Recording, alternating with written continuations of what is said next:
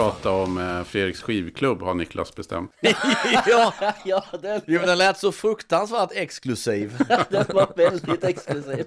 när, när var detta? Det var otroligt icke-inkluderande. Ja, Det hade aldrig funkat idag du. Nej. Nej. Nej. Eh, det här var, eh, kanske var 91, 92. Vad är det, gymnasiet då? då? Ja. ja. Okej. Och eh, var stark motståndare till CD-skivan. Just det, så var det ja. Var- Lyssnade bara på LP-skivor. Ja. Eh, men det, det var väl egentligen inte någon jätte... Det handlar inte om ljud eller någonting, det handlar bara om att det var snål. Okej. LP-skivor var ju faktiskt billigare. Ni hade inga medlemskort och sånt? Ja, alltså det, vi hade ju en medlemsförsamling där hade vi ju en ni? gång. Ja, ja. Eh, Vi borde bilda en klubb. Ja, men det gör vi. Det var ungefär, ungefär det som var. så, större klubb än så var det inte. Och jag kvarstår fortfarande att eh, vinylen är roligare än serien. Ja, utan tvekan. Det är, Ja. bara, det är bara Niklas som... Jag hörde faktiskt att CD-skivor har ökat igen. Ja, Jaha. I försäljning. absolut. Ja. Ja, just Det är ju mycket Niklas Det är eh, min- förtjänst. min Ja, förtjänst, precis. Ja.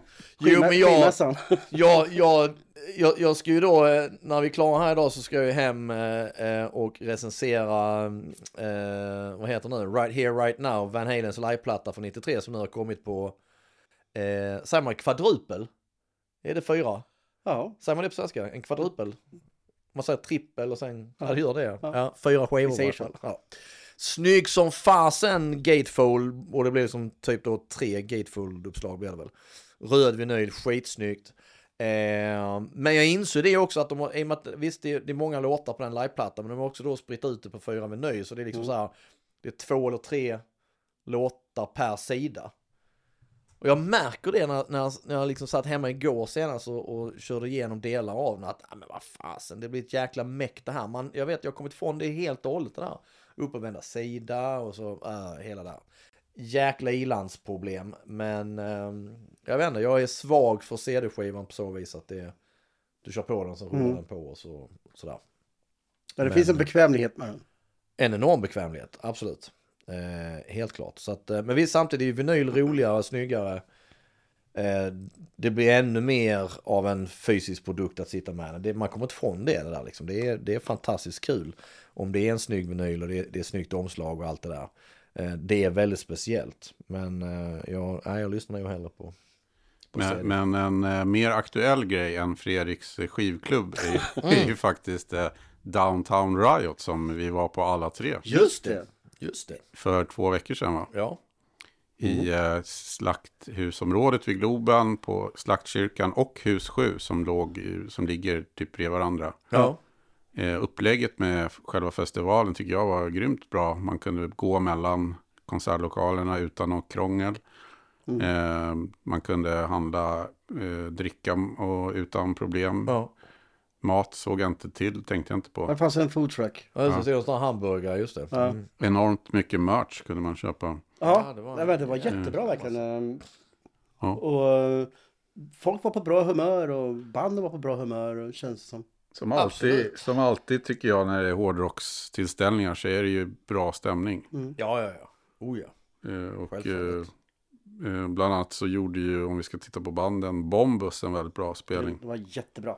Ja, Som, eh, eh, och det var kul att se lite hopp om eh, framtiden för thrash metal i. Sverige från, eh, för Skåne, Skåne. ja Fåglarna. exakt.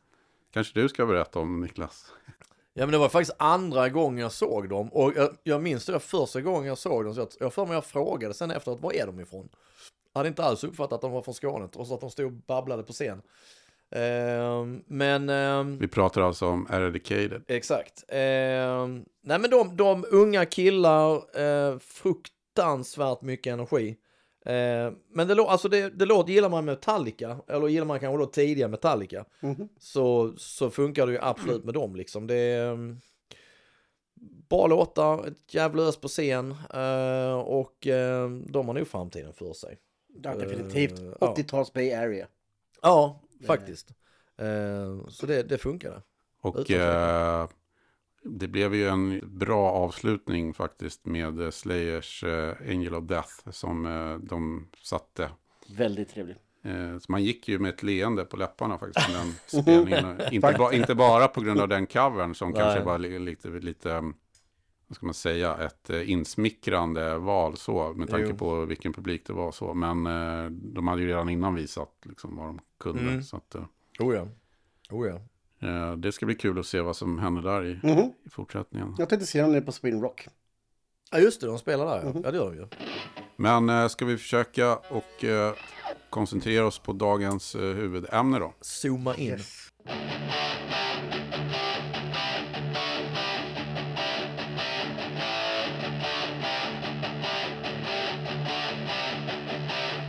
Det efterlängtade Rat and Roll avsnittet. Ja, gud ja. Vi har ju faktiskt tänkt eh, spela in det här länge. Mm, Ja. verkligen.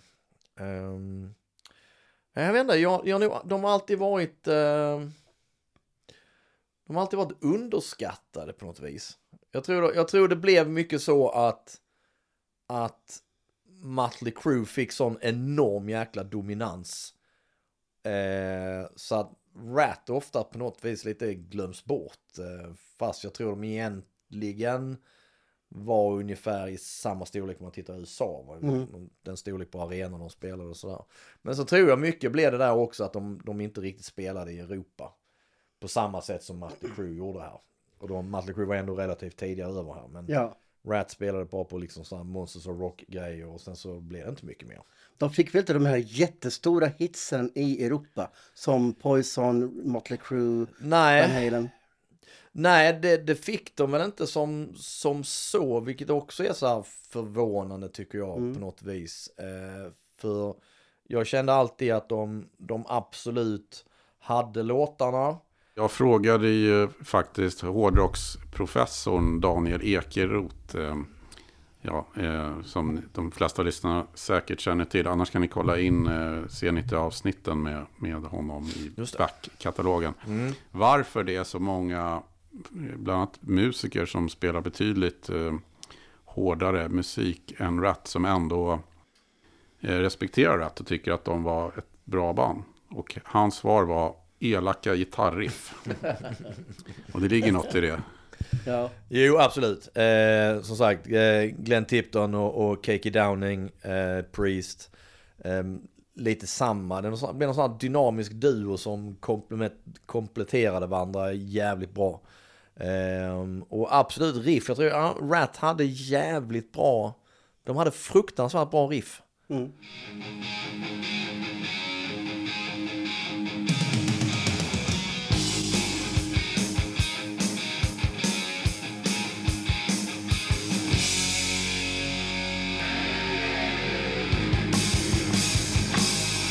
Fruktansvärt bra tunga riff. Ehm, och, eh, och sen vet jag inte om det är det också att de liksom det här med att de var med på första Metal Massacre. Eh, så Metallica var med på det också. Att, att det kanske ger det någon cred. Ehm, och ehm, de hade ju Tell the World där. Och eh, att, att, att det liksom är, är det och att de nog kanske ansåg som det är samma deras EP.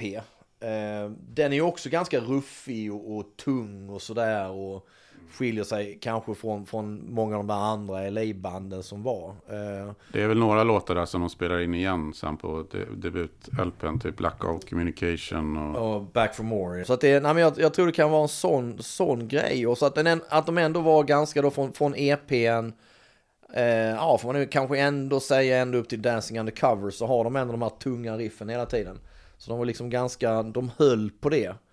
Eh, ganska många år, eh, många år i, i då liksom sådär. Och att de föll väl inte, om man tänker, de föll ju inte så som, som Priest då, som spelar in turbo och använder syntar och så här. Det gör ju aldrig Rat eh, på det sättet. De har liksom ändå lite samma sound under hela tiden. Det är väl att det blir lite mer radioslipat liksom med de här eh, Giving Yourself Away och... Ja, där på slutet sen kommer det med, med Ja. Detonator, det är sista Ja. plattan. Så eh, absolut, eh, Desmond Child inblandad och, Ja. och sådär. Så, så givetvis. Där, Där tappar de det lite, men det tog ju ett tag. liksom. Ja, faktiskt. Faktiskt. Så att, eh, nej, det, det är ett förbannat, eh, det är ett förbannat bra band som också där om man tittar på det här vars liksom om, livslängden för originalbandet där är ju inte heller särskilt lång. Nej. Från debut-EPn som kom väl 83 och sen kommer väl Detonator, är det 91 den kommer. Och sen är det slut. Mm. Det är inte, det är liksom, det är inte många år. På den tiden och det- liksom sådär så, så upplevde ju så man, man var yngre, man upplevde så mycket längre sådär. Men det är samma, det, de är ju där precis som, precis som Zeppelin, precis som Beatles, som inte alls. Det var ju inte lång tid som de höll på egentligen. Och sen är det ett arv efter det som har, som har Men de blir stora ganska omgående i USA med Round and Round. Oh, som ja. är deras kanske kändaste låt. Ju, som Absolut. är på första fullängden där, Out of the Cellar.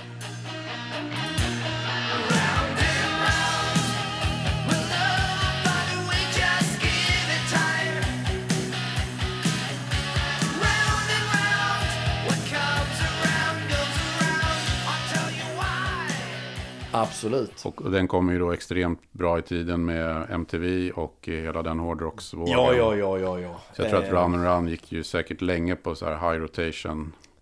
Med väldigt tidstypisk video, så här lite pajigt. Eh, Verkligen. eh, Skitpajigt. får, får man väl säga.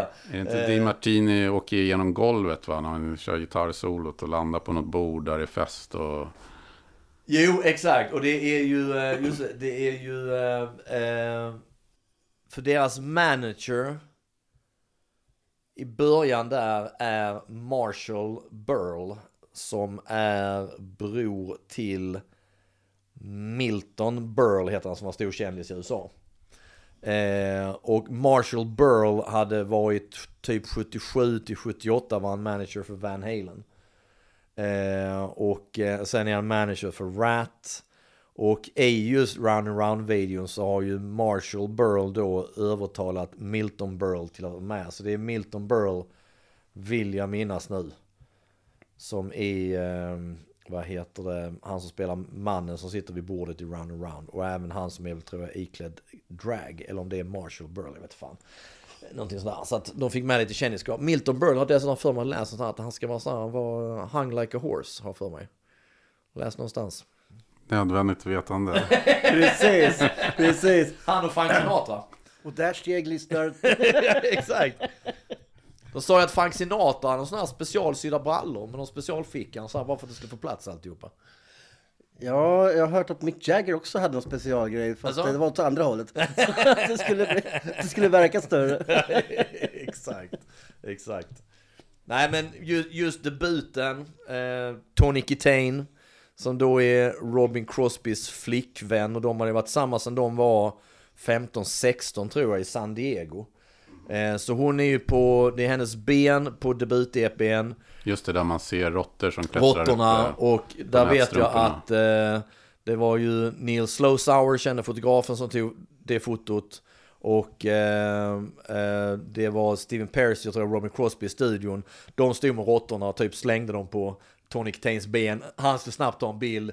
Tony Kitane höll på att skita på sig för det var riktiga råttor.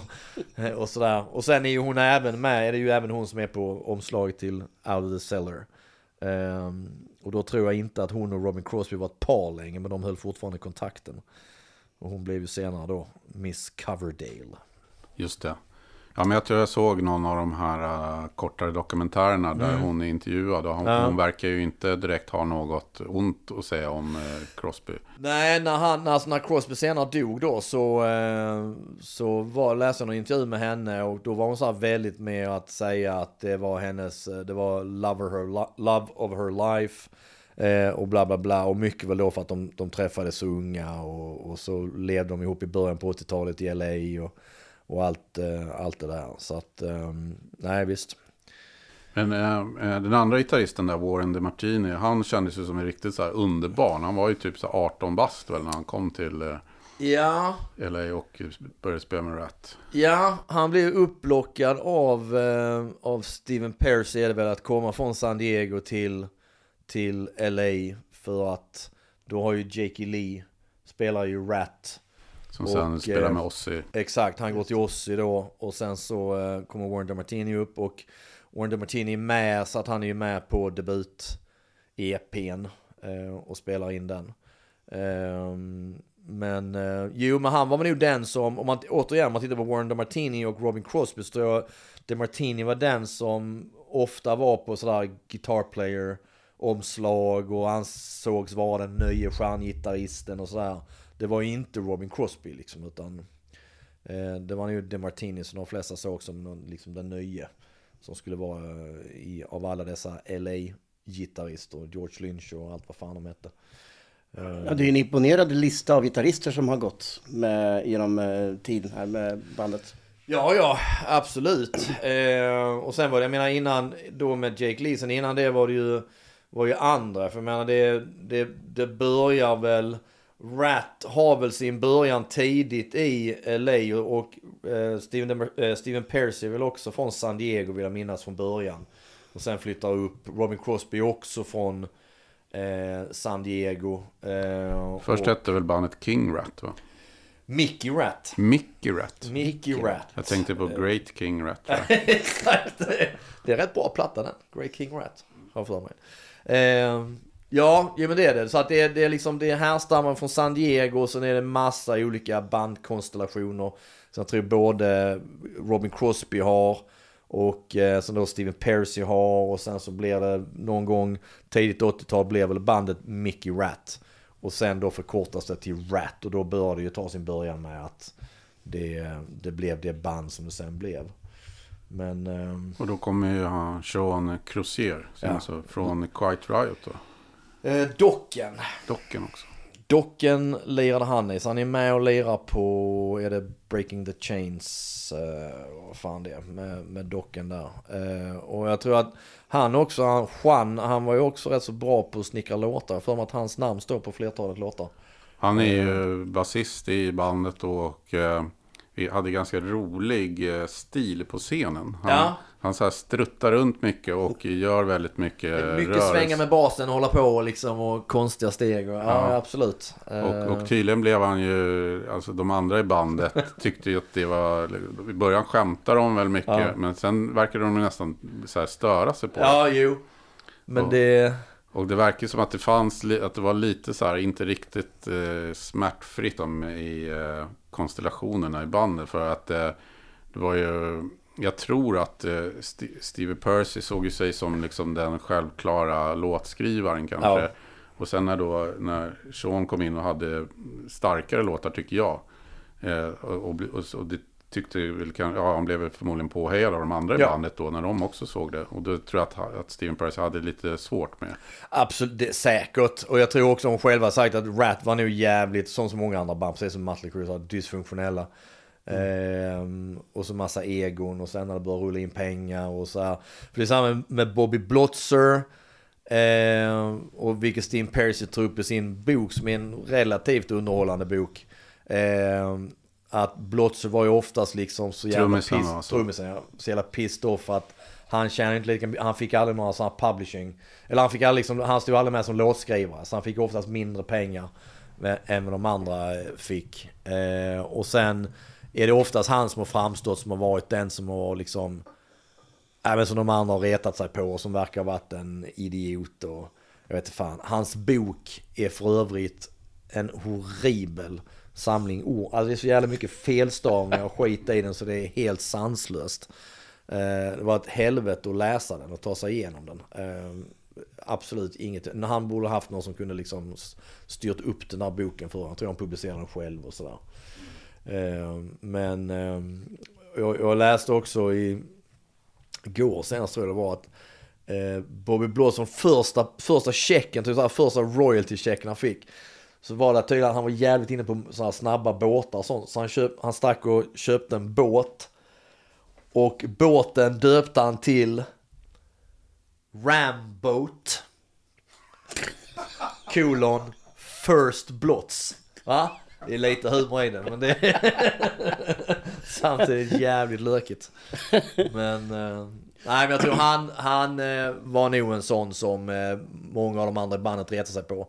Och långt senare var ju han en av de som stred mot dem och ett tag fanns det två Rat. Eh, Bobby Blotzers Rat va? Bobby Blotts Rat eller Rat Experience eller vad fan nu vad det hette liksom. Superfjantigt. Back on!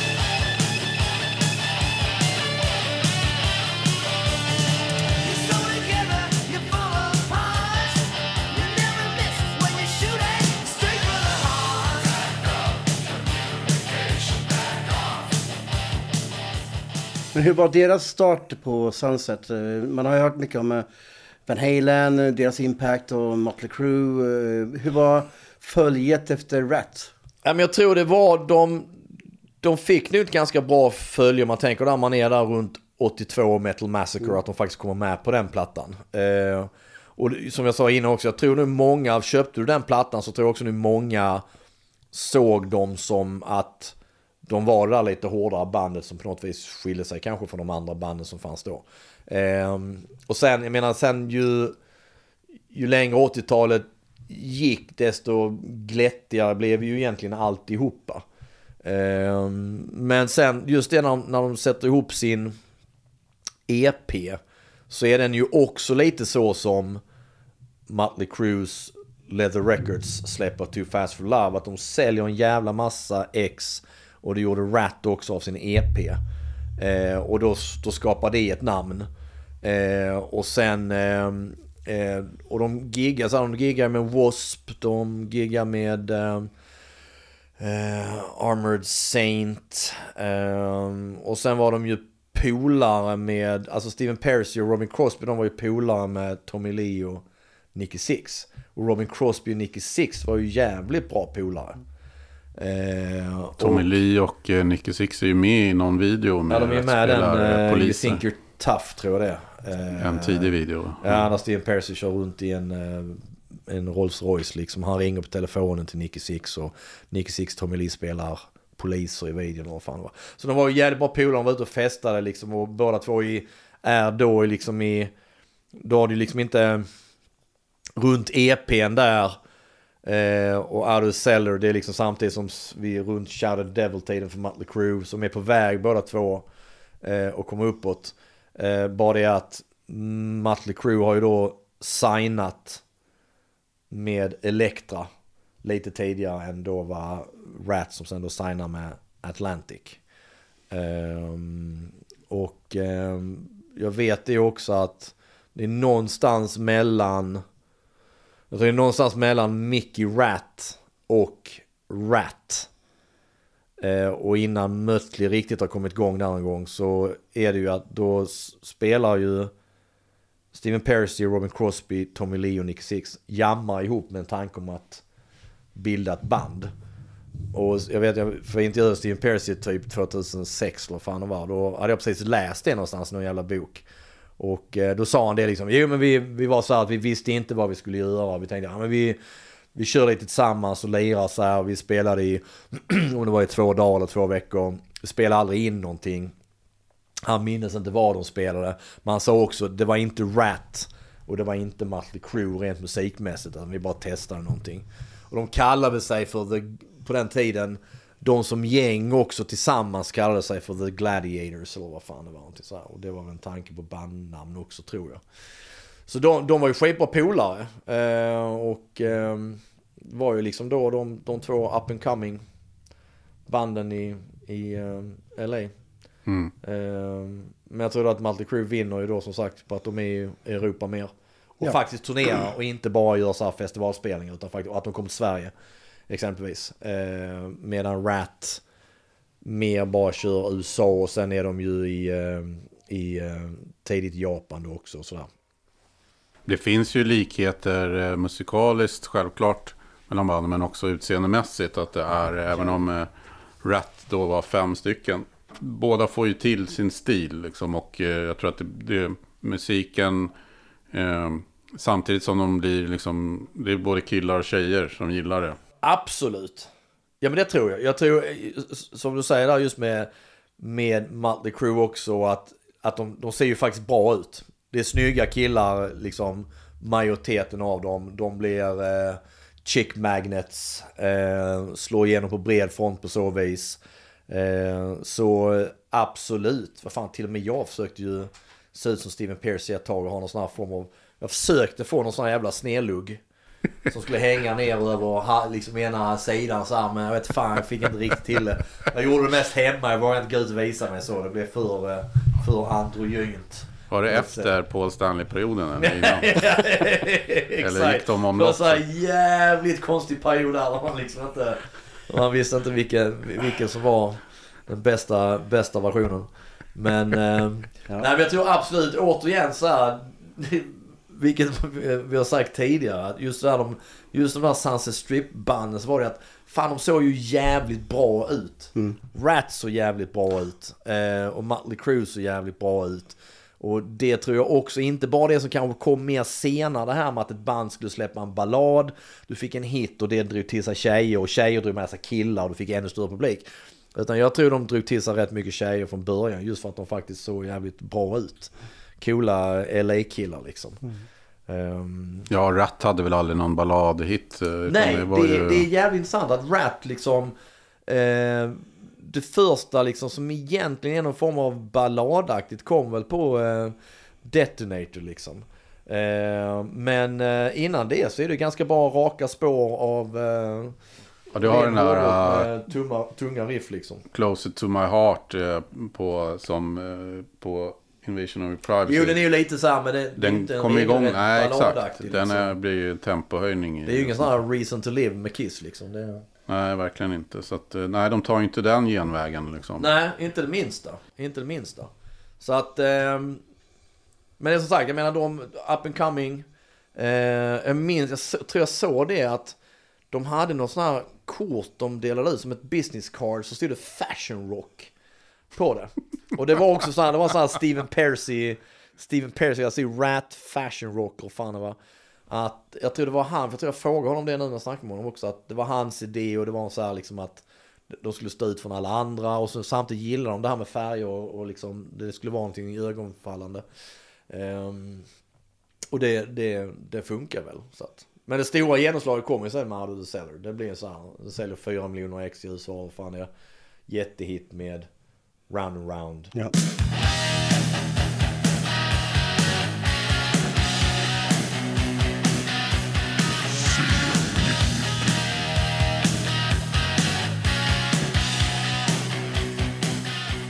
Jag kom på det också så här skitnördigt att jag ty tyckte alltid att scenen de hade på Invasion of your privacy, där det bara är som här stål stålramar i olika eh, höjdnivåer så här. Jag tyckte alltid den var så jävla snygg.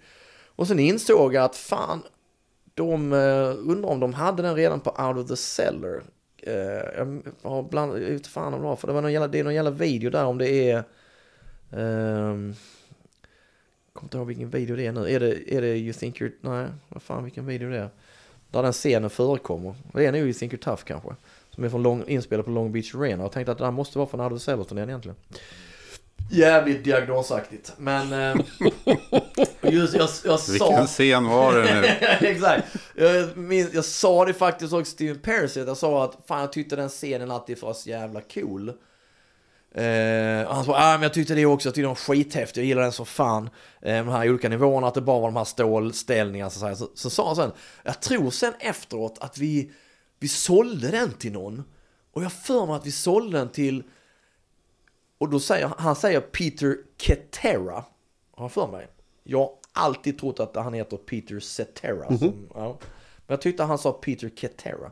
Och att de använde, eller han använde sen delar av, vilket är då Invasion of Privacy, scenen. Och att de hade typ en gitarrist som en vecka in på turnén givetvis då ramlade av från jävla scenen och bröt armen eller vad fan det var. För den var helt livsfarlig att gå omkring på. Men en sån här kul liten anekdot.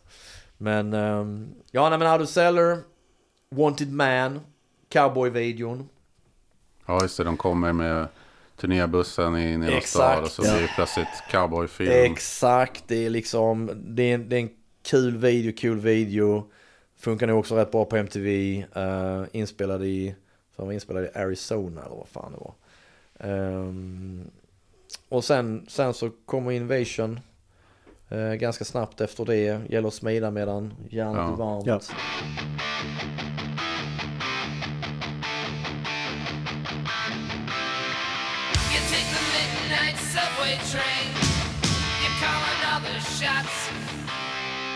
You strip a lightning, you're men det där är ju så här tufft läge på ett sätt. Alltså, visst, det är ju, egentligen så är det ju eh, guld och gröna skogar på ett sätt med tanke på hur mycket plattor man sålde. Alltså det ja. var ju flera miljoner då.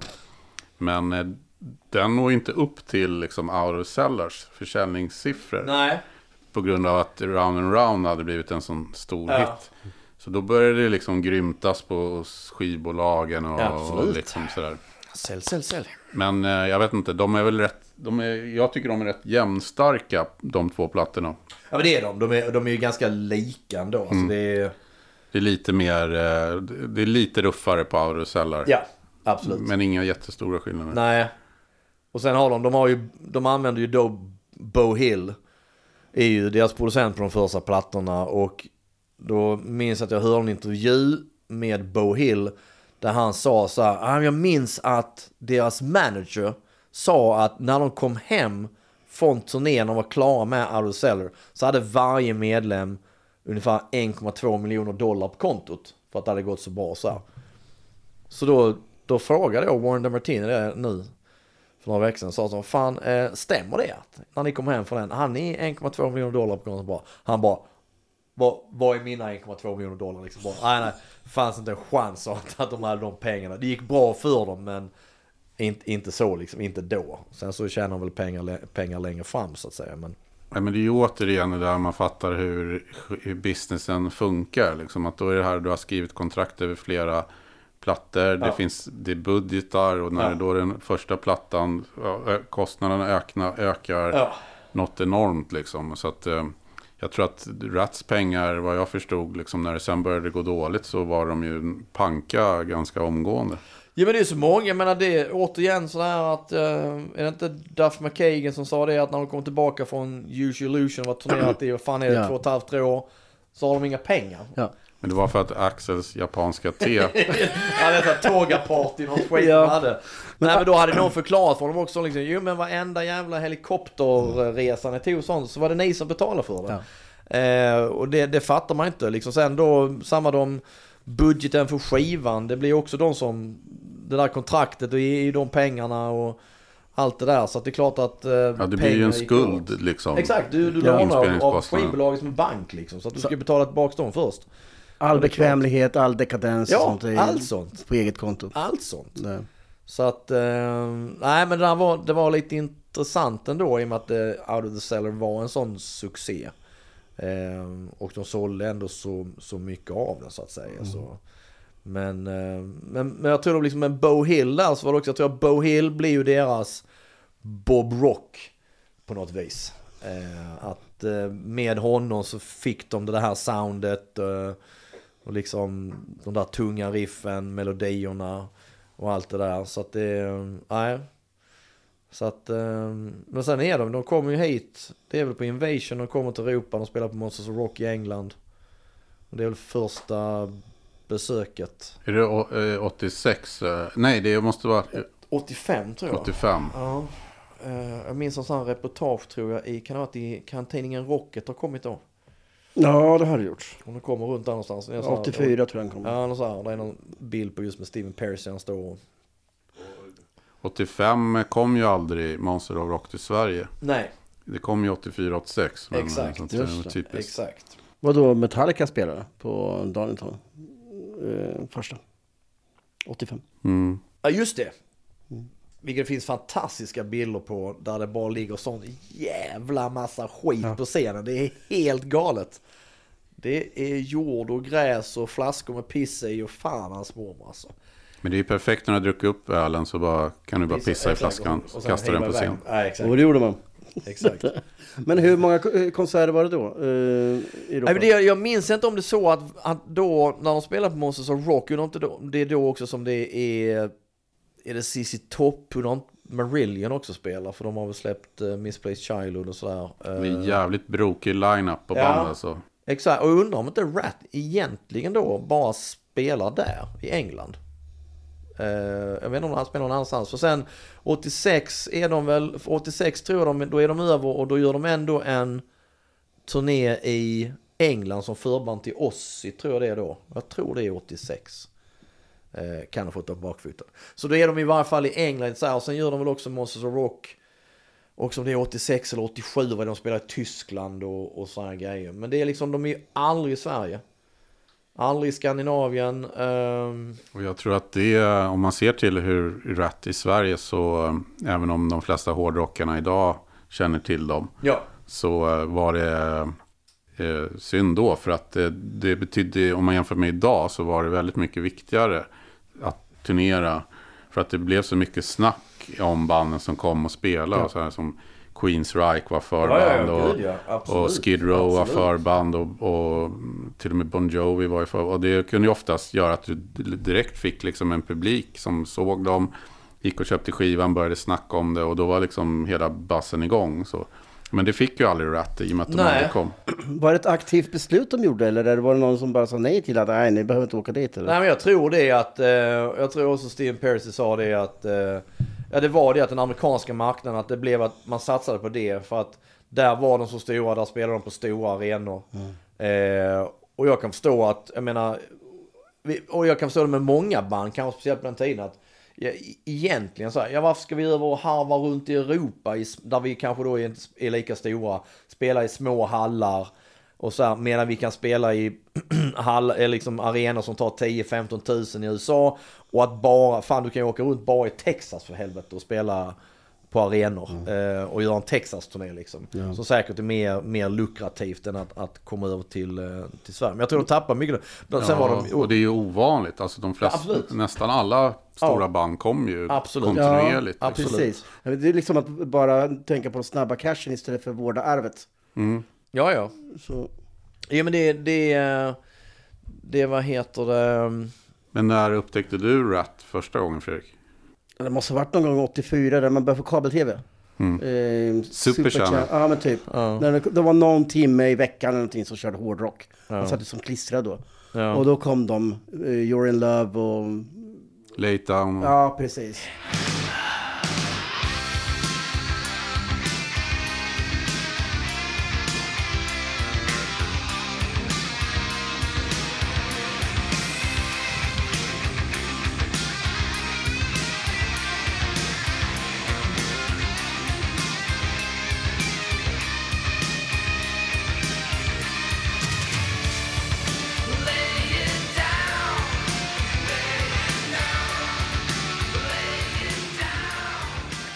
För då var det på Invasion-plattan. där Ja, då. det var då jag upptäckte dem.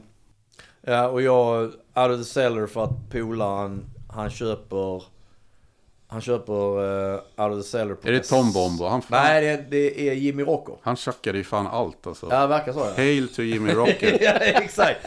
Jimmy Rocco var en jävel på att ha ett öra för de där grejerna. Och mycket var väl kanske Tidigt då, också. tidigt och mycket var väl tror jag snappade upp i, uh, i Okej.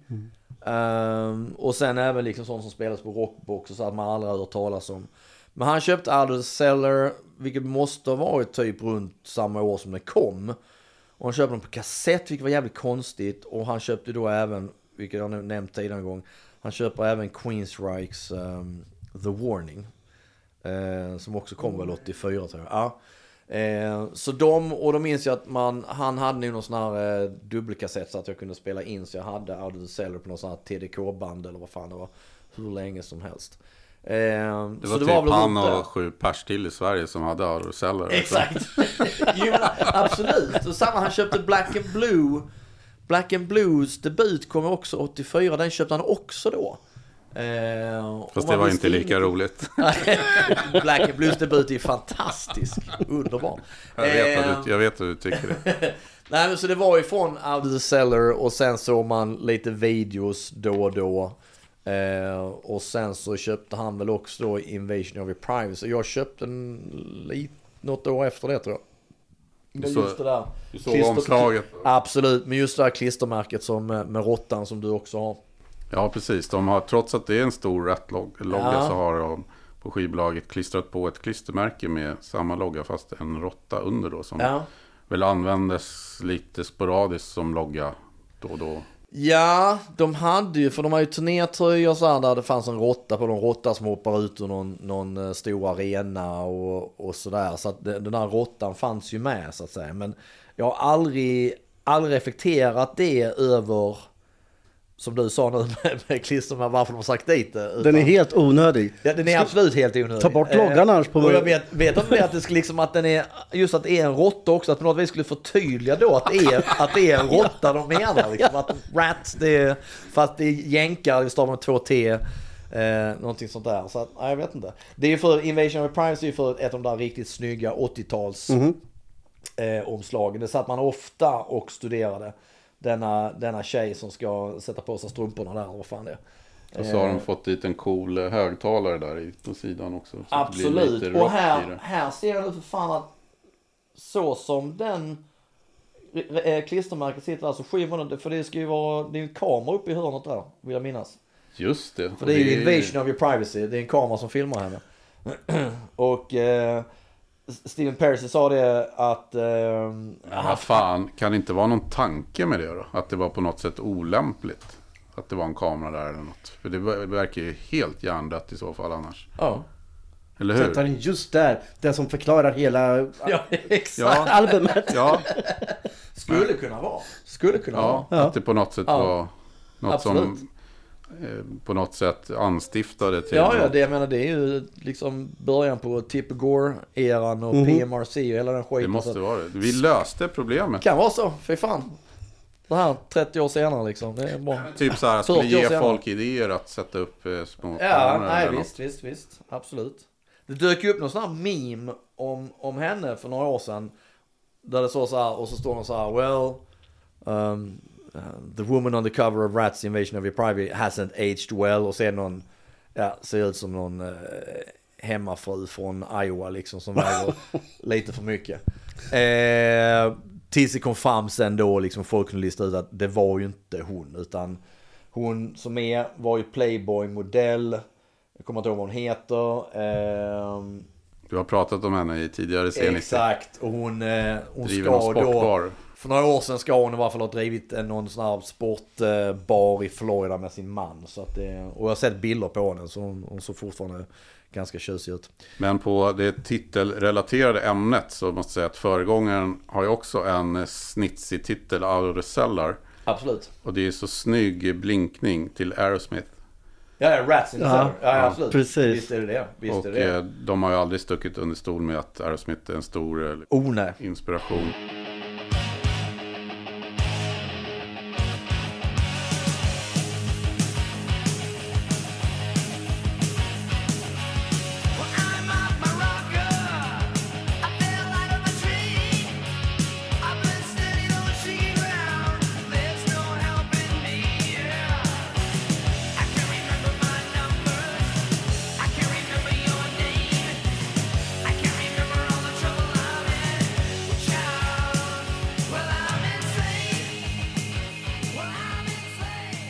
Så här, alltid retar man att just det, out of the cellar.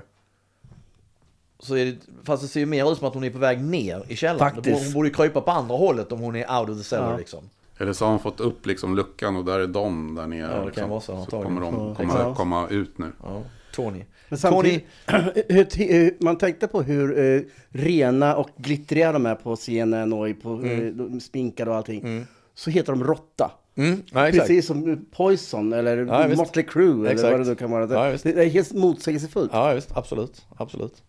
Men det är, nej, det är en jävla, jävla rackebrakar eh, det faktiskt. De hade snygga omslag, det måste han ju säga.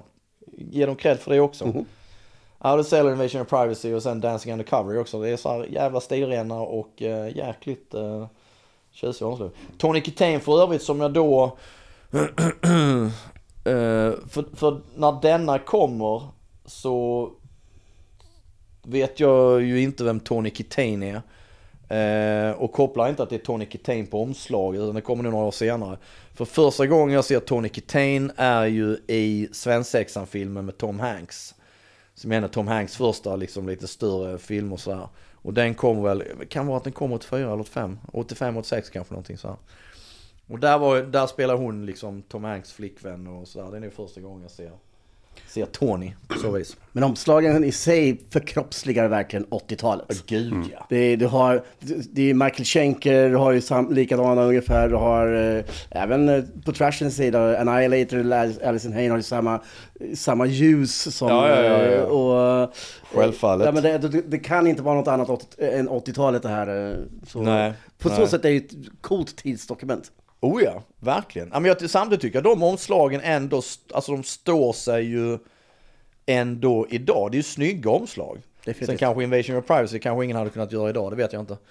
I, i, i det samhälle vi lever i, det är kanske too much av allting. Vad är det då med den här eh, klistermärket då? Ja, exakt. Even Steve Purse sa det också, ah, men jag försökte ju, jag försökte ju få till det med henne, men eh, she, was a, she was a mess, eller vad fan det var. Eh, och han har också sagt att det finns massa outtakes från den fotosessionen, där hon är då mindre klädd, men dyker väl upp någon gång. Men de, de håller ju stilen ganska bra tycker jag sen på tredje fullängden där, Dancing Undercover. Gud ja. Som kom 86 va? Ja. Eh, jo. Eh, Även om det sex, inte ja. är riktigt samma höga liksom, eh, kvalitet på låtarna. Så, men, det, men det finns ju... Ja, det, är- det är ju ingen besvikelse den plattan, det är det inte. Inte alls. Jag älskade den när den kom. Eh, jag minns att jag sedan har läst att den var en sån platta som de... Eh, att de kom väl tillbaka från Invasion of Your Privacy-turnén. Den har också gått bra. Men de kastas in i studion direkt tror jag. De har inte riktigt låtar eller vad fan det är. Eh, och så att, jag tror de själva har sett Dancing Undercover som så här lite havsverk. Men jag tycker den är svinbra. Det är, nästan, ja, det är också en av de rapplattorna som jag ständigt återkommer till. Eh, där den också har liksom jävligt, ja, också jävligt tunga riff. Snyggt omslag, fruktansvärt snyggt omslag. Eh, alltid gillat det. Det är ju första med bandet på. Ja, exakt. Och då åkte de på, då hade de med sig Poison på eh, turné och då är Poison helt färska. Eh, med Look What The Cat Dragged In. Eh, och eh, det är också... Råttgiftsturnén. Alltså. Precis. Exakt. Fan nu när du säger det. Hur kan jag inte ha tänkt på det? Gemensam platta, arsenik. ja, exakt.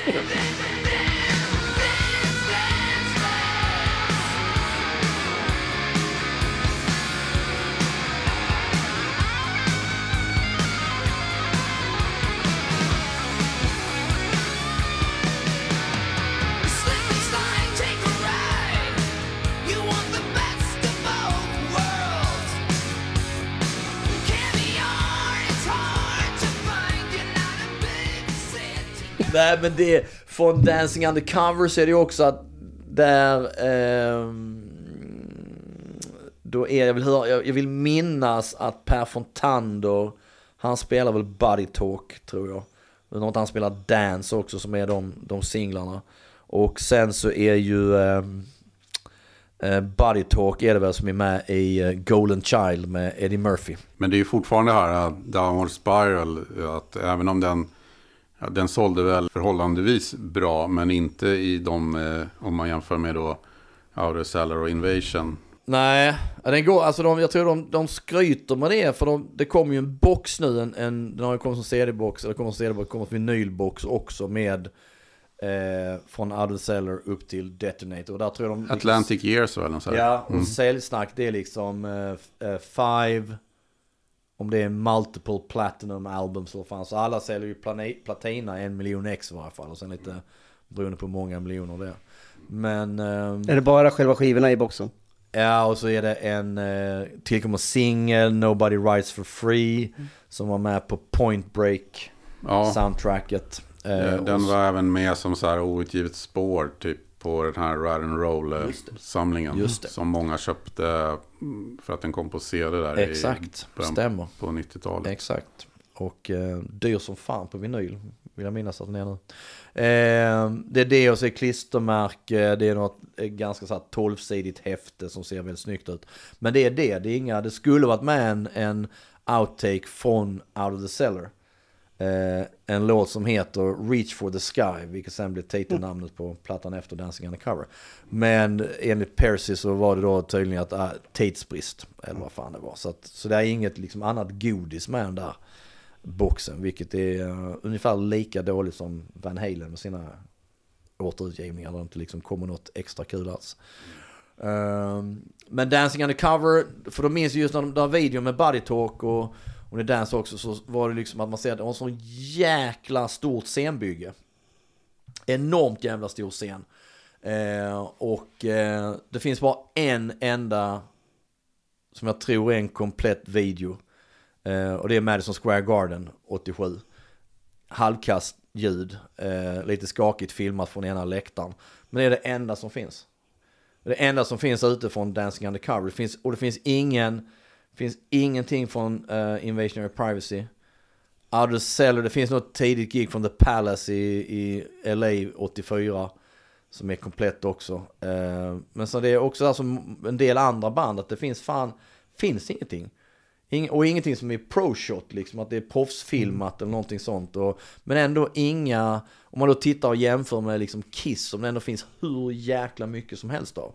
Så är Rat ett av de där banden också där det inte liksom då, de måste ha varit en tid, som vi har pratat om tidigare där som Alex Bergdahl hade, Bergdahl hade någon, någon tes om att det är något bryt där mellan eh, vad är det?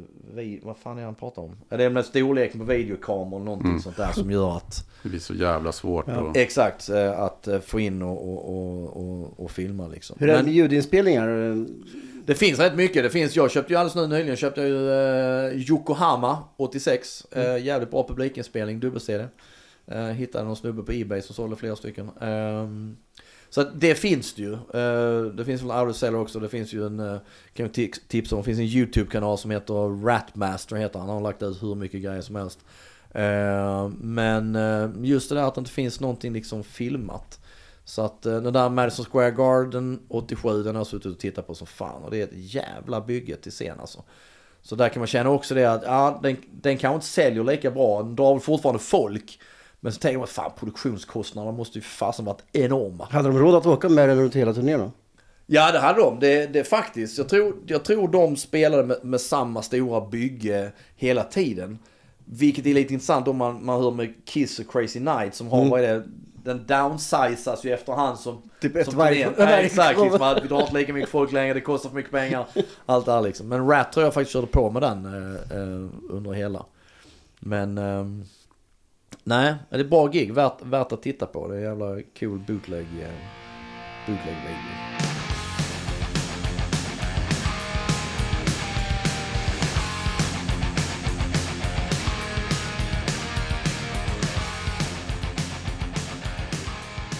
Jag satt förra veckan och beställde en undercover. Jag har 25 ex redan. Ja, vad var det nu för någon då? Och nu var det en som hade, de här små eh, lapparna som är på den här. Det var, då var det peel off eh, klistermärken istället. Lägg av! Så- Fan vad kul! Ja. Men vad var det för land då? Eh, nej, men det här, nej men det var amerikanskt tror jag. Jaha. Så eh, jag tror det, eller så var det en holländsk.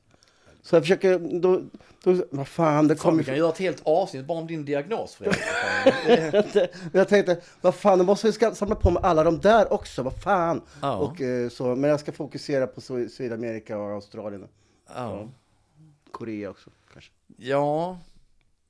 Fast man kommer ju alltid tillbaka till det där liksom. Ja vad ska jag göra istället? Alltså men Ja. det är ju det. Vad ska jag annars göra? Jag Jag, har, jag, jag har liksom inga andra direkta intressen där min samlargen skulle liksom Nej, ingenting. Eh, det är ju musik jag gillar och sen så, ja fan då får man väl ha det ett tag och så får man väl kanske sälja det sen då. Ja. Eh, på så vis. Men... eh, Jag samlade på glasspinnar ett tag. Fan vad tråkigt. Helvete! Vadå träpinnarna? Ja, Satan. tills morsan slängde dem. Helvete. Och sen, Blev du hysterisk? ja, och så samlade jag på... jag skulle ju bygga någonting men det vart ju aldrig, de låg ju bara i en jävla påse. Fy fan. Eiffeltornet i miniatyr skulle du bygga. Här är en iglo, här är en 88 pinne. Så, så samlade jag på tensisaskar på alla ställen jag var runt om i världen, så tog jag en tensisask. Ja men det, tror jag- det har jag något svagt minne av att jag hade någon tanke om när jag var liten att jag skulle... Men då är det ändå ett minne förknippat. Ja, Ja, jo. precis. Ja, jag har två bärkassar hemma med penselsaskar. Glass, glasspinnar är ju så en jävla autismvarning så det var Det är lika gärna samla på barr liksom. eller? Ja, lite så. Exakt. Samla på pinnar ut naturen liksom. Okej, ja. Pl- Plockade du upp glasspinnar om det låg på marken? eller Ja, vad- jag, det gjorde jag du. rökte dem ur näven på folk och... Är du klar snart? Är du Det klar var snart? bara, det var bara mina Exakt. egna. Helvete. Så långt gick jag inte. Shit, fy fan. Ja, det är bra. Jag bjöd en alkis på glass bara för att kunna ta glasspinnen av. Exakt.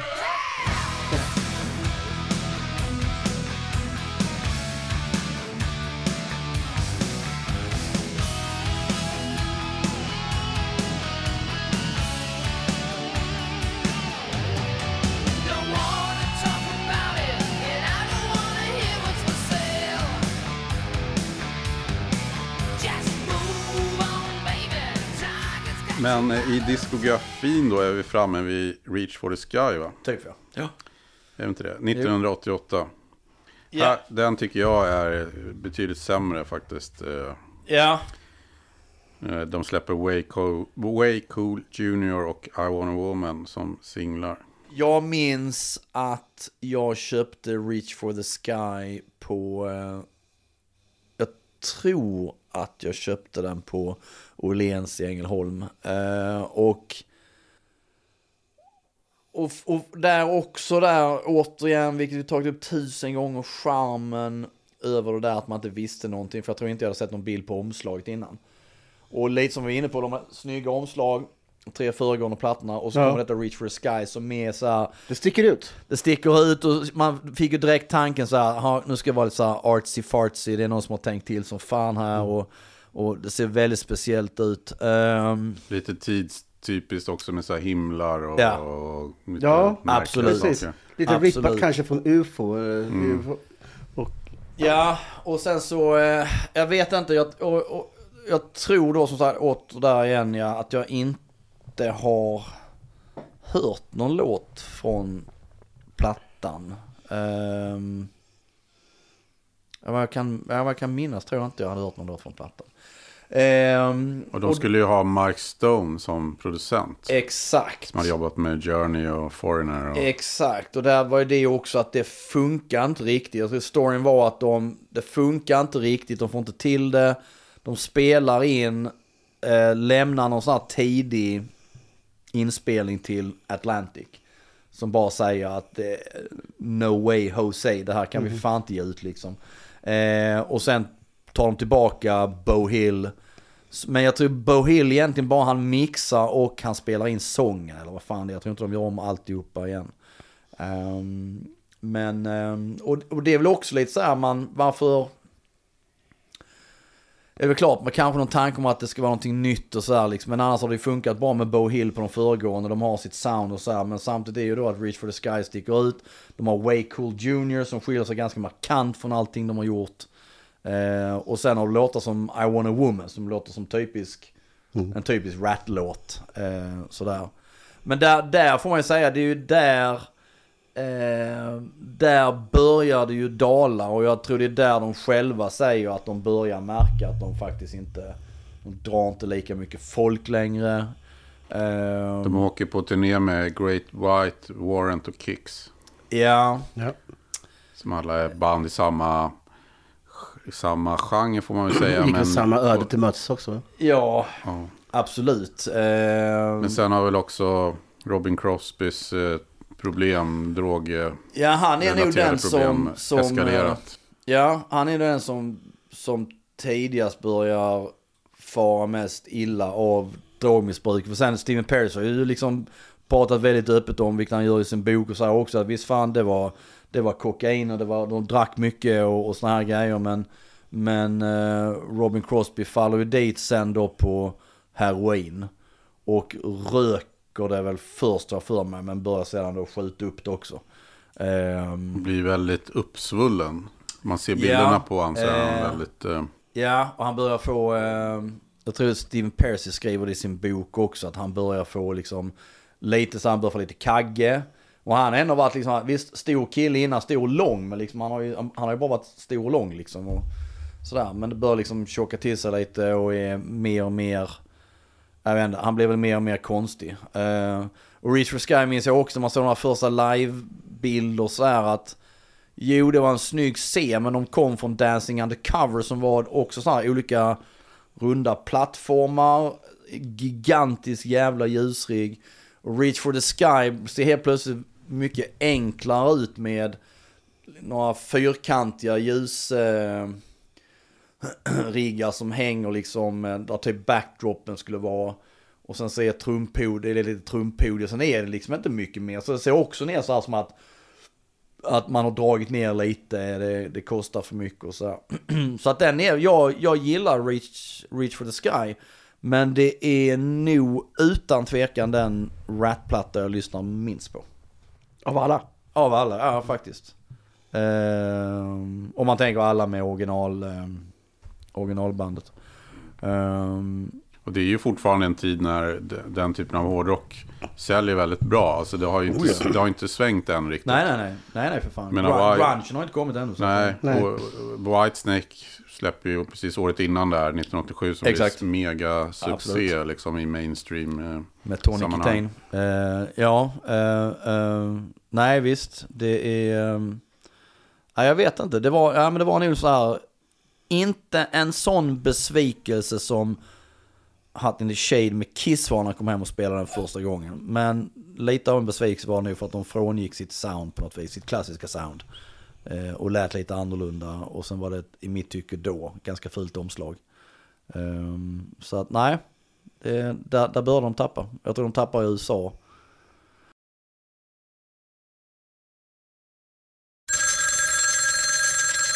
Men då ringer man ju Desmond Child.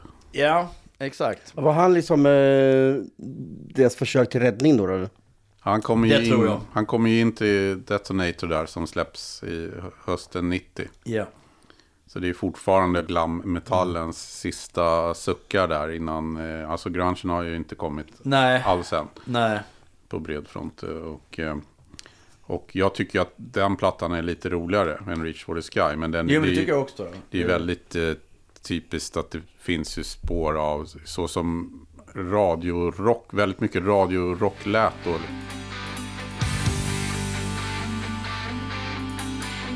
waited for you, baby, night. I was so hot for you, you were sight. You thought I was fooling, so your heart took a flight. I guess we'll start right. Han snackade med Desmond Child att han bara liksom så här kort för också sa att det var... Jag vet inte om det var så att det var liksom, det var inte lätt med Rat eller någonting så här också att de var så... De, de tjafsade rätt mycket och de var aldrig... Medlemmarna var aldrig samtidigt i studion och liksom det var massa så här jävla... Men man kan ju tänka sig att de, de verkade ju re- nästan redan från början så var de inte särskilt bra kompisar allihopa. Nej, jag tror Percy och, och Robin Crosby blev liksom...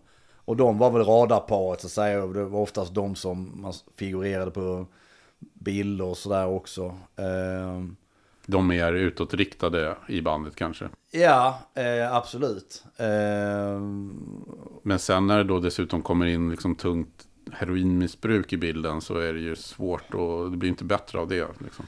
Nej, det är det jag tänker. Det, fan, det måste vara svårt som fan. Även om alla, det är liksom, det var precis som situationen med Guns. Alla knarkar, men det är någon som gör det kanske lite jävligare än, än någon annan. Jag tror han gjorde lite jävligare än någon annan. Speciellt när de börjar köra med och skjuta upp med nålar och skit liksom. Det är ju aldrig, det är ju aldrig lyckat. Det finns ju någon intervju med Robin Crosby. Jag vet inte riktigt när den är gjord men det är ju eh, när han väl försöker bli ren. Han sitter i sån där nedsläckt liksom, dokumentärkänsla. Ja, Och eh, man tycker ju synd om honom för att han, han är ju verkligen så här, eh, alltså han berättar ju ganska öppet hur jävla jobbigt han verkar verkligen ha blivit liksom addicted i, Oh ja. i 150. Det blir väl de flesta som håller på så. Men jag menar han verkar ha haft svårare än andra ja, sätt att ta sig loss. ja absolut. Ehm, Och så gick det ju som det gick också. Ja, och också att han blev, det finns ju, det finns ju någon sån här, ja det är den där intervjun, jag tror det är med i Behind the Music, Rat Behind the Music. Då är han, och så- först hör man liksom, man hör på hans tal, han pratar så jäkla långsamt och man känner liksom att fy fan, det har ju kört sönder hela hjärnan på honom. Och sen finns ju någon sådär, han, han lägger något, han är i studion och ska lägga något solo på någonting. Då är han så länge ute ur Rat. Och det är ju några år innan han dör väl. Och eh, det är också att han är så jäkla, alltså han har gått upp så enormt mycket i vikt. Han är stor som ett hus. Och jag tror han, där på Detonator är han på rehab under inspelningen tror jag. Och då vill jag minnas också att läsa någonstans att han bad dem så här, men kan ni vänta? Så att han bara kan åka in, rehab, komma tillbaka så fixar jag mina gitarrer. Men de väntade utan Wonder Martini kom in och så la han allting ganska snabbt. Eh, och sen är det ju att de turnerar och sen spelar de i Japan och i Japan spelar ju Robin Crosby sitt sista gig. Och då var ju någonting också att det är ju något gig han spelar ju typ tre låtar i rad med helt felstämd gitarr. Vad fan, det är någonting sådär. Helt, helt väck. Och sen när de kommer tillbaka tror jag de spelar i USA så tar de in Michael Schenker som, som gitarrist. Så giggar han lite med dem. Two years later, I was out on the town. I saw you on the street,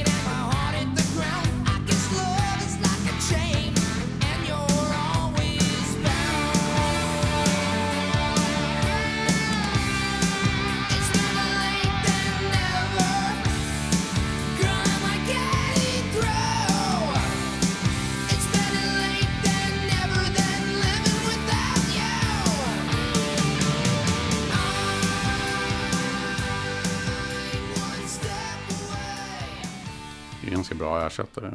Ja, absolut, absolut. Samtidigt känns det lite konstigt att han går in i rap. Ja, Men ett problem till ett annat egentligen, han har ju sitt ego där.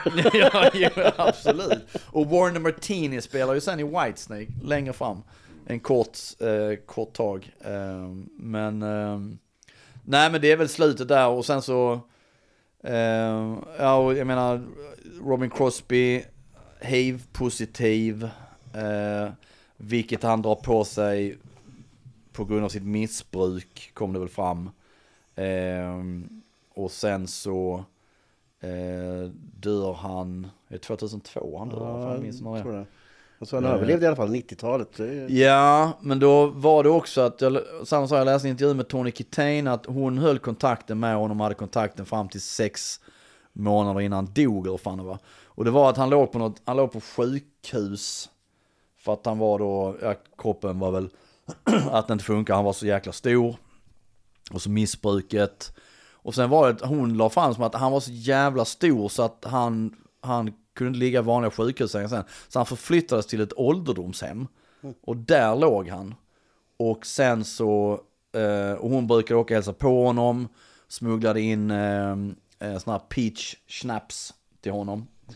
Eh, och där hon, hon berättade som att då var han, eh, då visste han att han inte skulle överleva.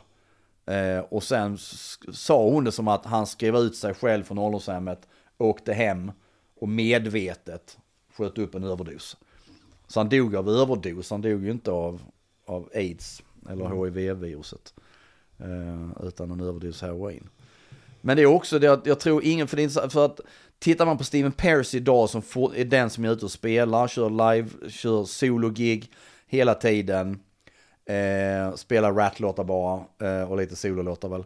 Eh, så då, han pratar hela tiden, det är väldigt mycket om Robin Crosby och King som han kallades och liksom att ah, de, de var bröder och bla bla bla och det var så fantastiskt. Samtidigt tror jag inte att han liksom heller var så här, jag tror inte de hade kontakt med, med Robin Crosby de här sista åren. Mm. Um, och jag minns att när jag, pratade med Ross Halfin, fotografen för många år sedan. Och då sa han så här, han, han älskade Rat och sådär. Och, och då sa han också, en av de sista gångerna jag träffade på Robin Crosby var typ mitt ute på gatan i LA. Han var barfota och tiggde pengar. Och någon annan sa så ge inte pengar till honom för att han kommer bara liksom köpa droger för det. Um, så att det var så jävla tragiskt. Så jag, jag, vet inte, jag, jag frågade Wanda Martini, hade du kontakt med liksom Robin Crosby? Så här, ja men det hade vi så här, liksom, jo vi hörde så här, läkaren så här, mm, lite tveksamt. Och Steven Percy, jag ställde samma fråga till honom och då var det också lite så här som att, mm, uh, man kunde nästan utläsa så här, nej, det hade, det hade inte den här sista tiden. tror Jag Jag tror han var helt liksom själv.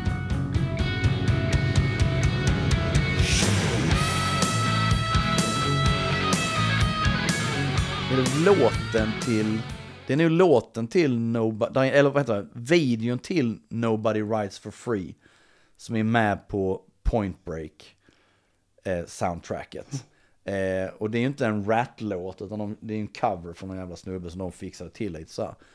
Och så tittade jag ganska nyligen så här på, på videon bara för att inse då och tänkte så här, fan jag måste ha sett den här videon tidigare. Och de spelar på någon strand eller vad fan, så bara för att inse att, ja vad fan, Robin Crosby är inte med. De är bara fyra stycken. Aldrig reflekterat över det. Men då var han ju liksom redan ute och sådär. Ehm, men ehm, nej, det, och sen har de ju harvat på. Steven Pearce har väl varit den som har genomgående. Ett tag hade de ju, ehm, vad heter det, eh, Jizzy Pearl. Så är det. Jizzy Pearl. det. Så han var ett tag. Och sen så jag menar, så de, och sen har de spelat in, menar de spelar ju in långt senare, de spelar in den som bara, den som är lite gul som heter Rat bara. De spelar in som är lite blå som heter Collage. Och sen kom ju de tillbaka med den här Infestation som kom 2010 eller vad det är. Eh, som faktiskt är ganska bra och som faktiskt låter som gamla klassiska Rat. Ehm, eh, bland, för, bland annat en singel Best of Me. Den låter precis som att den kunde fan kommit 1986. Eh, jävligt bra låt. Eh, men eh, det, samtidigt liksom, vad fan, det var inte Rat liksom. Det var 50-11 medlemmar. John Corabi var med ett tag. Ja. Eh, Carlos Cavasso från Quiet Riot var med länge. Eh, det var fram och tillbaka hela tiden.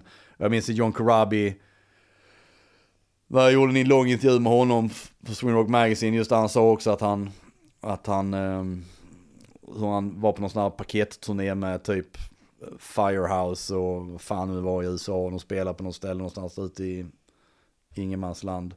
Warrant och sådär och han tittar ut när, om det är Warrant som spelar så är det liksom det, ja, det är skitlite folk. Och sen spelar Rat, har det kommit lite mer, men där börjar han inse liksom att nej men vad fan, det här, det här håller liksom inte längre. Och sen blir han ju lastbilschaufför något år efter det och sysslar med det istället. Men, eh, och Steven Pearce sa själv att eh, Rat-plattorna, ja men det är de de gjorde upp till Detonator. Han räknar inte ens de andra, han räknar inte ens som Rat, fast han har själv varit med på dem och sådär. Utan Robin Crosby var inte med och då var det inte Rat och det ska vara original och allt sånt där. Och så lite pengar genererar det att man blir lastbilschaffis. Ja, ja, absolut. Ja, men det tror jag. Eh, för idag tror jag så här att man ser Steven Percy spela på massa sådana här, du spelar på sådana här fairs i mellanvästern och sådär. Och, eh, och han spelade sådana här Monsters of Rock Cruise. Eh, det är lite sådana här 80-talsfestival och så. Och ofta, han är ju ganska frekvent på Facebook så han lägger upp rätt mycket bilder så här. Ofta ser det ut som att det är ganska mycket folk. Och jag tänker mig så här att ja, alltså det genererar nog tillräckligt mycket för honom för att han ska liksom ha ett helt okej liv och bo i sin stora villa i Las Vegas och åka runt och göra de här jävla sologrejerna. Fast det egentligen känns tämligen ointressant. Och han är ju, han är ju en av de som ser absolut mest sliten ut.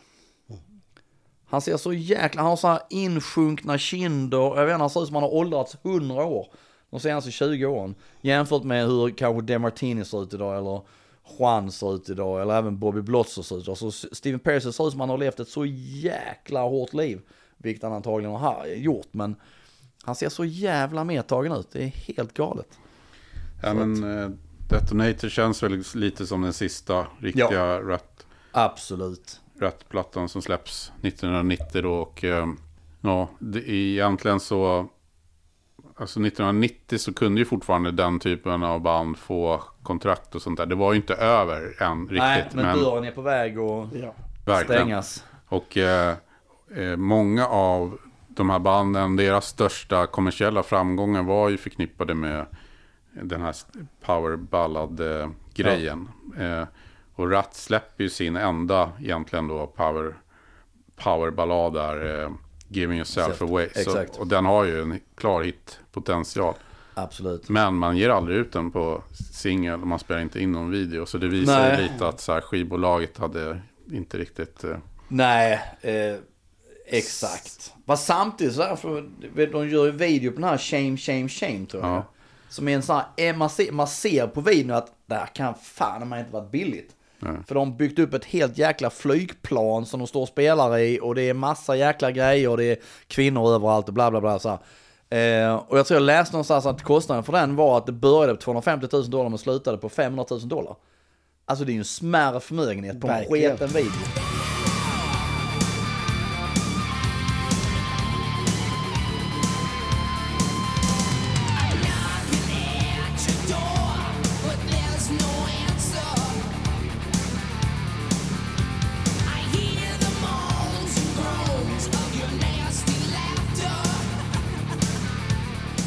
Den, eh, det är den låten på den plattan som är mest eh, gamla rätt. Mm, jo, absolut. Den är riktigt eh, trevlig faktiskt.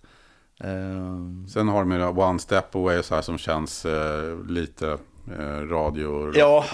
Och Desmond Child är ju liksom med på alla ja, låtar på plattan Ja. och producerar även. Så att det blir ju väldigt ja, gud. präglat, präglat av honom. Och det är väl lite där man så här tappar, ja men typ så One Step Away hade lika gärna kunnat varit Bon Jovi faktiskt. Som hade spelat in den låten. Så, Självfallet. så, så där har de ju tappat rat and rollen faktiskt.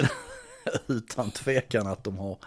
Eh, ja, Annars så hörde man ju direkt när det var, man hör ju direkt en låt med Rat från de Ja, ja. gyllene åren. Han har ju en eh, ganska, vad ska jag säga, tydligt ID i sin röst. Eh, det har han.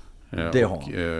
eh, hans röst passar ju väldigt bra Verkligen. till musik. Till det. Verkligen. Liksom, det är det här mellanläget, att, Ja. att det blir inte mesigt. Nej, Men det passar ändå till det här. ja men det är. Ganska det, catchy ja, hårdrock, liksom. Han har någonting i det. det och Robin Crosby, intressant så här, det minns jag också första gången man såg den där uh, Rat, eh, The Videos, vad fan det var. Eh, som då också egentligen var Jimmy Rocker som köpte den på VHS, vi tittar på om och om igen. Eh, Jimmy Rock. Exakt. Första gången man hör eh, Robin Crosby tala, det var också, han hade sån enormt mörk röst. Supermörk röst och så är han den här jätte liksom. Och det är så kul, de sitter och pratar, de, han berättade, berättade om att varit i Japan och det är filmat mycket i Japan så att han är då, han säger väl det också, han är denna liksom denna gigant med blont hår som går omkring bland dessa små japaner. Han syntes överallt liksom. Och så denna mörka, mörka, mörka, mörka röst. Jävligt eh, fascinerande. Men eh, det är också som man undrar så här, man undrar liksom så här, hade Nicky Six kontakt med Robin Crosby mot slutet? Det tror jag inte. Eh, och det var så här, Robin Crosby, Nicky Six och fotografen Neil Slowsour, de var på sån här gemensam eh, semester i, eh, fan var det, Mauritius eller fan det är, om det är runt 85, någonting sånt där. Man bara tänker den galenskapen som måste ha skett på den jäkla semestern liksom. Ja.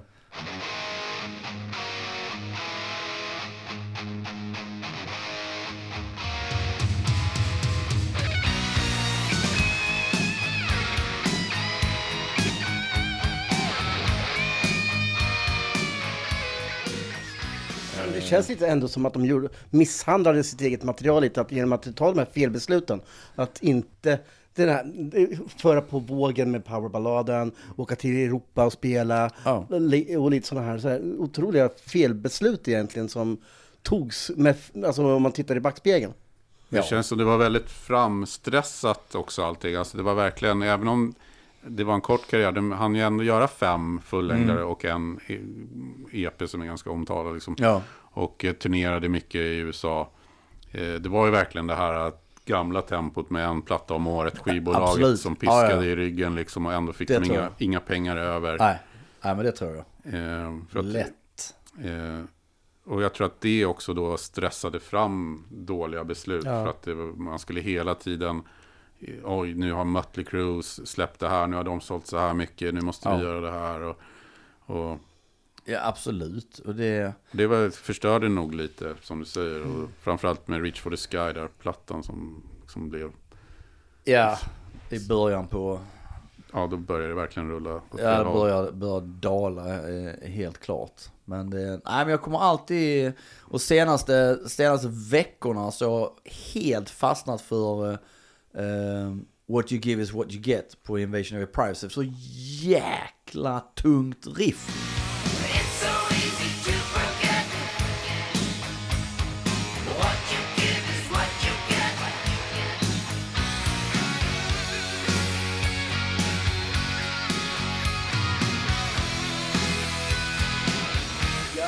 Där, där man också liksom, den fick man också känna att fan de, de var så jäkla mycket tyngre. Än liksom Mötley Crüe eller Docken eller Kicks eller vad fasen nu var liksom. Just den tyngden där i det jävla riffet, det är aj, makalöst bra. Också skriven av eh, Sean Crozier. som Ja, alltså-. Han var riktigt bra på den där. Han Han, skrev ju Lack of Communication och, Ja. och Late Down. Och han var riktigt bra på de här tunga men hittiga låtarna. Liksom. Absolut. Och i och med att de Eh, sticker ut så hade de kunnat göra mycket mer med den karriären de hade under 80-talet. Ja, oh ja. Ehm, så den, en sån, en sån raritet, det är ju den där första singeln. De släpp, de, de trycker ju en singel, jag tror liksom, jag vet, jag minns inte vem som är, för det är nog inte heller, det är inte original, eller det är inte det Rat som sen liksom, ehm, jag glömmer alltid vad den heter. Det är ju Dr. Uh, är det Driving with E och Dr. Rock eller vad fasen den heter? Dr. Rock Driving on E, just det. Ligger på YouTube, man kan lyssna på den. Inte så här superfantastisk. Men de brukar dela ut den. Så den kan jag tänka mig, jag har aldrig sett den. Ehm, tror aldrig sett den på Ebay eller någonting sånt heller. Så jag kan nog tänka att den är, den är nog värd. För att de andra idag, tänker man ändå, Out of the Cellar, Invasion, är ju inga dyra plattor idag. Reach for the Sky heller ingen dyr platta.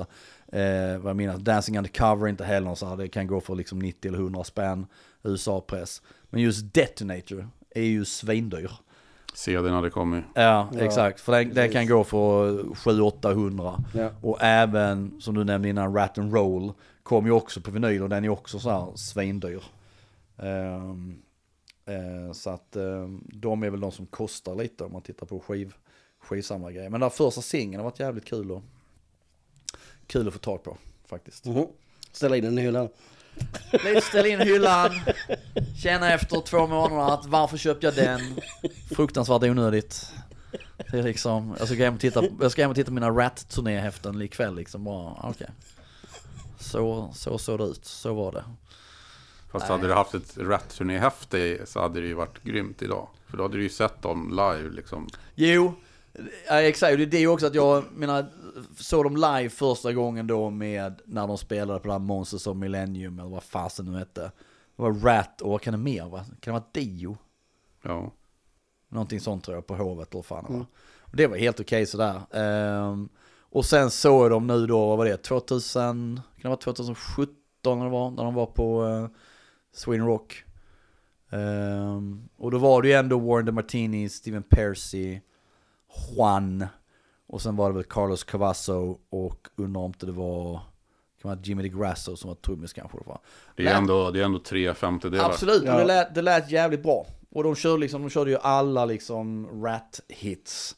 Eh, och eh, det var, nej, det var var helt okej gig. Hur var bemötandet då? Ja, jag tänkte precis Det var bra, det var bra. okej. Eh, just också att de inte liksom då, återigen då, inte spelat här. Eh, Mm. och sådär, så att då, ehm, då, eh, det var, nej men det var ett jävla bra möte. Jag minns att det var många som faktiskt tyckte att det var bra. Att det, det lät faktiskt bra, det gjorde det.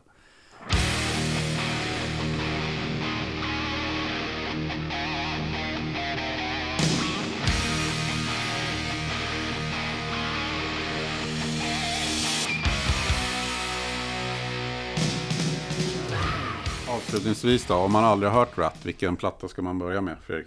Oj, oj, oj. Reach for the sky. Ja, precis. Nej, in- invasion, invasion. Invasion of your privacy. Ja. Jag tycker det är svårt att välja mellan Out of Cellar och Invasion. Ja, jag, jag har nog alla år sagt Invasion. Eh, och eh, eh, jag sa det nu fan senast idag innan jag blev upphämtad av eh, Fredrik här att eh, för ge en liten shout-out till Chris Lane och vi ska fan lägga upp den bilden sen på, på C90 i samband med detta. För att han, han har ju, Chris Lane som spelar i Pretty Maids och tusen andra och producerar grejer och så här har satt sig och eh, letat via, om det nu är via Ancestry eller vad det är, gått igenom sådana gamla skolböcker. Så han har liksom hittat alla originalmedlemmarna i, eller originalmedlemmar, men den klassiska uppsättningen Rat. Alla deras skolfoton och så har han gjort som en mockup av Dancing Undercover-omslaget. Så jäkla snyggt gjort. Eh, så att, eh, är bra. Sen, sen hävdade han då att Infestation var deras bästa platta och då kände jag direkt att nej, där har du fel. men, ja men jag kör nu på Invasion. Det, det har nog alltid varit den plattan, det är snyggaste omslaget. Det, nej, den befäste någonting då. Och det är just med, jag vet inte, det är just Lay It Down och You're In Love. De riffen alltså, helsike. What you give is what you get. Och What You Give Is What You... Åh fy fasen vilken låt det är. Och Never Use Love. Det finns mycket Ja. bra. Men även på föregångarna av Ruseller har ju eh, You're In Trouble och Insane som jag gillar. Och Back For More och släpptes väl på singel. och- Ja, och Insane är ju från Robin Crosby. De, de, de demosna ligger på, eh, eller inspelningarna ligger på YouTube. Han hade ett band som heter Mac Meda tror jag. Och där är I'm Insane härstammar från det bandet. Och låter nästan likadant som Rat. Och sen, eh, fanns vilken är mer för låttitlar? Eh. I'm Insane och det är en låt till som är med. Scene of the Crime är den nu tror jag, som båda Sista de låten. Är, är som härstammar från det gamla bandet han hade och de, de låter väldigt lika så som Rat spelar in den. Morning After har nog alltid varit min favorit på Out Cellar. Jaha. Are we the morning after? Mm. Och Lack of Communication är också en sån som är svintung. Lack off! Communication, lack of. Ja, det här är riktigt Ja, Priest-riff. ja för fasen. Riktigt fint. Men det roliga också som jag upptäckte relativt nyligen när jag kollade så här bootleg så här, också Invasionary Privacy-turnén. Öppningslåten är Dangerous but worth the risk. Jag betyder så här, vad är fan är det för en låt att öppna med? Dangerous. But Det var worth inget the singelsläpp. Nej. Varför inte öppna med Lay It Down eller You're In Love och så här, Dangerous but worth the risk. Äh, så jäkla konstigt. Mycket konstigt. Ja, Vad säger vi? Är vi klara med Rat? Rat and Roll. Absolut. Rat it up. Rat, rat it up ja. Verkligen. På återhörande. Ja. Tack för den här gången. Tack.